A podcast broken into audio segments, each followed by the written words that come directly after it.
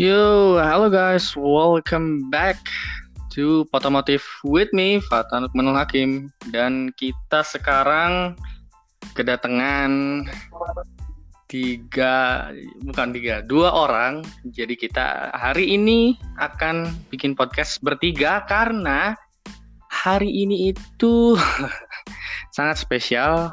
Kita akan bikin uh, apa sih opini dari pembalap bukan pembalap opini dari para fans Formula One yang uh, akan akan kita dengar saat lagi. Di sini gue sama tim gue dari YouTube yaitu Aska sama Irham. Say hello guys. Halo guys. Luar biasa malam ini. Dengan untuk kita rekaman uh, bersama. Iya. Kita ini adalah satu geng di The Five Skid Writers. Bisa dicek aja YouTube-nya. Di situ kita ngebahas tentang uh, segala hal tentang motorsport, dan juga kadang ada random konten meme juga kadang muncul tapi ya begitulah. Oke okay, guys. Pertama nih buat uh, Irham sama Aska. Yang ngejawabnya mau siapa dulu? Oh silakan Irham. Oh, oke oke. Oh. siap. siap ya. Yang pertama ini uh, opini pribadi atau personal opinion tentang uh, budget cap Formula One yang dipotong-potong nanti. Ya, oke. Okay. Jadi kalau menurut saya ini mungkin terdengar lebih adil. Tapi untuk ke depannya kan seperti misalkan dari 145 miliar dolar, nah nanti dipotong tahun ke tahun depannya Nah itu tuh mungkin mungkin ada akan ada dana yang terbuang dari, dari tim besar seperti Ferrari, Mercedes atau Red Bull. Ya. Dana dana kebuangnya itu eh, kira-kira ini akan dipakai ke mana? Menurut nah, lu? Jadi mungkin kalau menurut gua nih, uh, jadi mungkin paling bisa untuk apa ya lebih mendatangkan apa driver yang lebih OP gitu mungkin digajinya juga bisa lebih besar terus seperti ya. pengirimannya tuh kan kan F1 tuh dilaksanain setiap satu ada ada kadang-kalanya setiap satu minggu sekali nah itu tuh jadi lewat pengirimannya tuh bisa lebih dialihkan dananya ke situ nah, lebih ya. proper ya dan sepertinya kalau dananya besar Fernando Alonso kan nah, gajinya itu. tinggi. Bisa bisa lagi, Bro. Gimana Aska? Oh, opininya? Iya, tentu saya juga punya opini yang sama seperti Irham. Ketika ada dana yang besar uh, yang tidak bisa dikeluarkan oleh tim ini, itu sebenarnya bisa digunakan untuk uh, dana R&D drivernya sendiri gitu.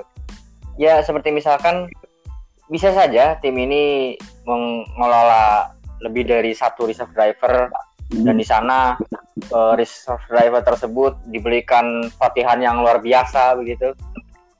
Dan uh, bila si gaji pembalap ini tidak dikenai cost cap maka eh, masing-masing tim ini punya luasa punya untuk uh, mengatur gaji drivernya dengan uh, gaji yang fantastis rupanya ya bayangkan seperti gaji petinju uh, Floyd Mayweather atau lebih dari gaji Tiger Woods nah itu sepertinya di situ. Atau mungkin bisa saja mereka bisa mengupgrade fasilitas-fasilitas yang tidak disebutkan dalam aturan uh, cost cap seperti itu.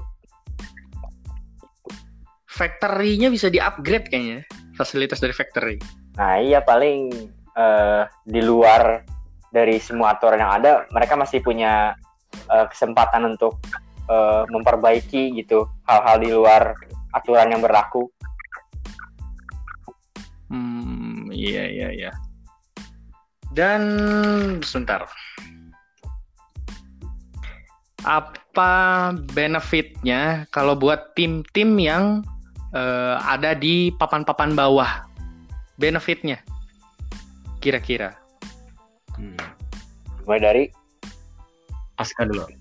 Mulai dari Aska, Oh, oke. Aska dulu. eh berdasarkan data-data dari tahun kemarin, eh, Williams itu menghabiskan dana yang paling sedikit, sekitar 150 million dollar. Nah, di situ eh, ketika mereka akan mendapatkan cost cap, mereka hanya tinggal menyisihkan 5 juta dolar tersebut. Nah, eh, itu sangat menguntungkan bagi Williams karena jelas mereka tidak akan eh, merasa tertinggi dari yang dari tahun sebelumnya mereka sudah mendapatkan keuntungan yang jauh lebih tinggi daripada tim Williams itu. Jadi adalah kesempatan dari eh, Formula 2 di Formula One ini maksudnya eh, ya itu GP2 engine Formula lah atau satu Formula apa F1.5 ini bisa mengejar tim-tim yang eh, dicap sebagai hanya top 3 instructor yang kita kenal selama ini ya selalu pasti Red Bull, Ferrari, Mercedes. Nah, di situ. Nah, apa menurut Oke, lo Ham? Jadi menurut gua nih sebenarnya lebih seru gitu ya untuk ke kompetisinya. Jadi kan cost cap-nya itu berdekatan dengan tim-tim yang lainnya. Jadi seperti Williams, Haas itu bisa mengejar eh, performa yang sudah dimiliki Mercedes, Ferrari. Ya jadi mungkin Hmm, akan lebih menarik untuk eh, musim-musim selanjutnya. Karena tim-tim papan bawah bisa mengejar ketertinggalan performanya. Begitu menurut gua. Oke. Luar biasa. Dan kira-kira bakal ada kasus-kasus yang kayak you know lah, Babang Oh. Binoto. Eh,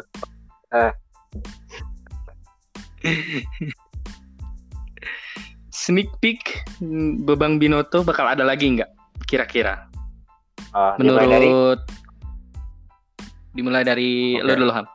Jadi menurut gua ya mm, mungkin bisa aja sih Ferrari soalnya kan tim besar dan itu juga banyak bakal banyak uang yang nggak kepake gitu. Jadi mungkin, mungkin aja. Gitu. Kalau menurut lo As gimana? Eh, bila bila dilihat dari eh, artikel eh, mereka ini punya satu tahun sebenarnya untuk eh, mengelola eh, budgetnya dan laporan setiap tahun itu eh, pasti ada di penghujung tahun kan dan ya sepertinya mereka punya satu tahun untuk mengakali bagaimana si uang itu pakai sesuai keinginan mereka. ya di situlah eh, kompetisi ya kita lihat ada yang Hmm. bermain bersih, ada yang bermain kotor. Tapi di situlah untungnya FIA merilis eh, sebagai eh, beberapa eh, apa ya penalti lah untuk eh, siapa yang melanggar dari aturan cost cap ini. Bila eh, tim ini ada yang melanggar eh, dana melebihi 5% dari seharusnya nah di situ ada eh, sebuah aturan yang menyatakan bahwa eh, tim itu akan dikeluarkan atau ya di-exclude lah dari championship ini. Ya itu harusnya seperti itu sih seru lah di situ kita melihat punya ekspektasi yang bagus lah Iya. Oke, kita move on ke pembahasan yang kedua yaitu peraturan tentang eh, development yang di freeze. Kayak gimana tuh? Personal opinion dari Aska. hmm, development yang di freeze ini Iya.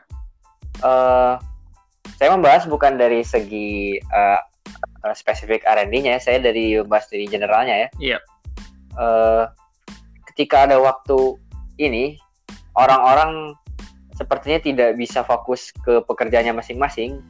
Hal yang mereka eh, perhatikan adalah bagaimana mereka punya persiapan untuk dikeluarkan ide-ide itu tahun depan seperti itu yang ada beberapa eh, tahap development eh, di waktu-waktu tertentu yang sengaja di freeze eh, tujuannya untuk ya sebenarnya persiapan bagaimana di tahun 2022 sih sebenarnya karena F1 2020 itu eh F1 2021 itu akan dibuat menjadi seperti F1 eh, 2020.5 2020 gitu dari saya. Ya. Kalau dari lu Nah, gimana? jadi menurut gua nih, jadi sebenarnya bisa masih ada beberapa hal yang masih bisa di-upgrade seperti contohnya rear wing, front wing sama floornya itu masih bisa sebenarnya. Tapi nah, Ah, ah. di sini yang cukup menarik itu jika ada di tahun 2021 ada tim ya misalkan seperti ini saja nih. Mercedes eh, menjuarai eh, F apa F1 tahun 2020 eh, 2020. Nah, jadi si Force India ini bisa menduplikat eh chassisnya Mercedes Racing point. tanpa menggunakan token sekalipun. Nah, jadi untuk diperlu wah, perlu diketahui bahwa untuk musim ini eh, kalau tim mau mengupgrade satu komponennya itu eh, apa ya? Seperti hanya punya dua token, dua, dua kesempatan saja begitu. Nah, dan ada dan ada parts yang malahan itu pakainya harus sekaligus dua token. nah itu tuh. Nah, itu yang Khusus untuk ngecualin ini nih. Waduh. Jadi kalau Force misalkan tim Force India eh maaf, tim ah, Racing Racing Point. Nah, Racing Point. Jadi jika tim Racing Point ini ingin memakai chassisnya Mercedes di 2000 tahu- di tahun 2020 untuk tahun 2021. Nah, jadi mereka ini tim Racing Point tidak perlu mengeluarkan tokennya sekalipun. Karena no, no, Oh, nol. karena itu pun hanya bagian menduplikasi. Saya pun tidak terlalu mengerti tentang regulasi ini tapi sepertinya mereka sah-sah saja bisa melakukan hal tersebut walaupun terdengarnya agak licik begitu. hanya menduplikasi. kalau kalau McLaren itu gimana? Kalau McLaren ya kan ganti mesin Nah. mereka tuh. Ganti mesin Kalau supplier. ganti mesin sih masih mungkin bisa ya soalnya kan pengganti mesin itu eh, dari segi efek ke chassisnya itu pun berbeda gitu antara Renault dan Mercedes. Jadi perlu di setting Hmm. ulang dan itu pun termasuk memakan token. Oke, oke, oke. Dan pembahasan yang selanjutnya ini apa sih yang terbesit di pikiran ketika dengar F1 bakal pakai reverse grid qualifying, reverse grid race, reverse Hmm. grid race, Wah, luar biasa. bukan reverse grid qualifying doang, reverse grid race. Ini langsung race reverse-nya. Kayak gimana tuh? Menurut Irham dulu. Oke, jadi mungkin gimana ya? Sebenarnya sih oke, gimana? Ramai gitu ya. Cuman kalau kata Toto Wolff ini sebenarnya bisa diakali sebenarnya sama tim-tim bisa di- bisa dicurangi. Bisa saja eh, dari Red Bull atau Ferrari salah satu pun itu bisa ada kendala teknis. Jadi mereka tidak ikut eh, kualifikasi dan race-nya bisa paling depan begitu kan. Nah, itu. Akalin aja. itu adalah salah satu hal yang ditentang oleh Toto Wolff. Nah, iya. Kalau menurut lo As gimana?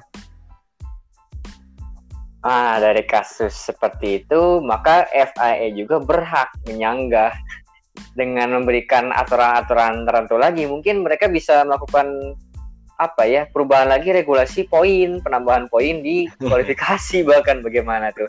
Jadi iya, jadi poin kualifikasi ini bagaimana kalau disamakan dengan poin race? Wah pasti tim-tim yang mengejar poin ya dia akan berusaha mencari kondisi yang paling tepat di mana dia ingin mencari poin. Apakah dia ingin mencari poinnya di kualifikasi atau di race. Ya itu pun bah kalau eh, terwujudlah sebuah regulasi yang gila jika eh, ada penambahan poin di kualifikasi seperti layaknya eh, race biasa. Jadi tapi kalau gitu kan race itu jadi eh, kayak secondary-nya lah gitu. Kalau misalkan kayak gitu eh, bukan makanan utama race-nya. Jadi makanan utamanya itu justru di qualifying dan FIA nggak akan pernah eh, ngelakuin hal itu sih menurut Hmm. gua ya, menurut gua ya. itu cukup gila, oh cukup gila juga dan pasti Jessica Kare marah-marah pasti. eh, belum lihat belum pernah Oh. lihat Jessica Kare marah-marah kan? Kumisnya itu. kalau kalau siapa Bernie Ecclestone itu kan kelihatannya emang mukanya muka sangar ya. Tiap tiap hari kayaknya marah dia.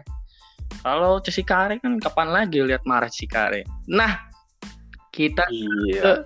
pembahasan terakhir nih. Bonus bonus. Gue tuh lihat tadi di Instagram si Babang Oh, Sengelel iya, pakai nomor satu.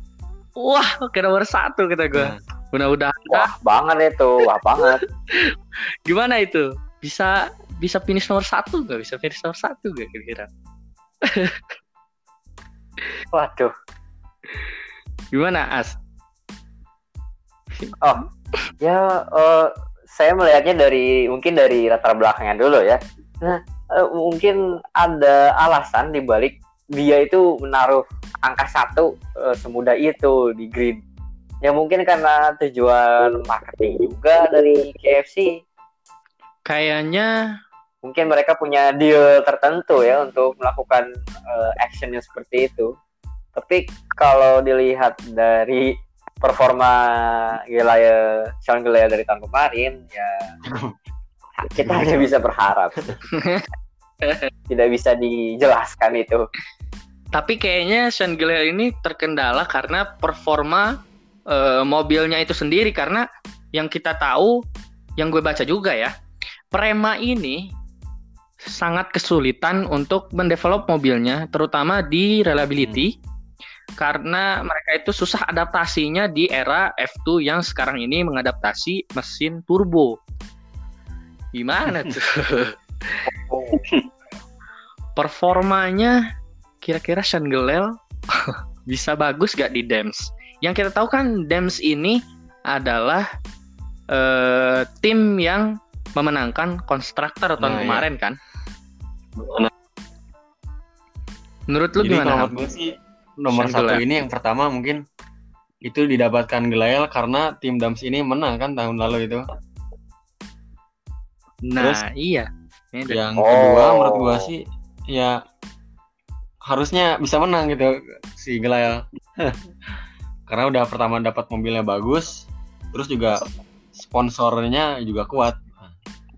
Harusnya tahun depan Nah. Bisa masuk F1. Tahun satunya itu. Malu-maluin.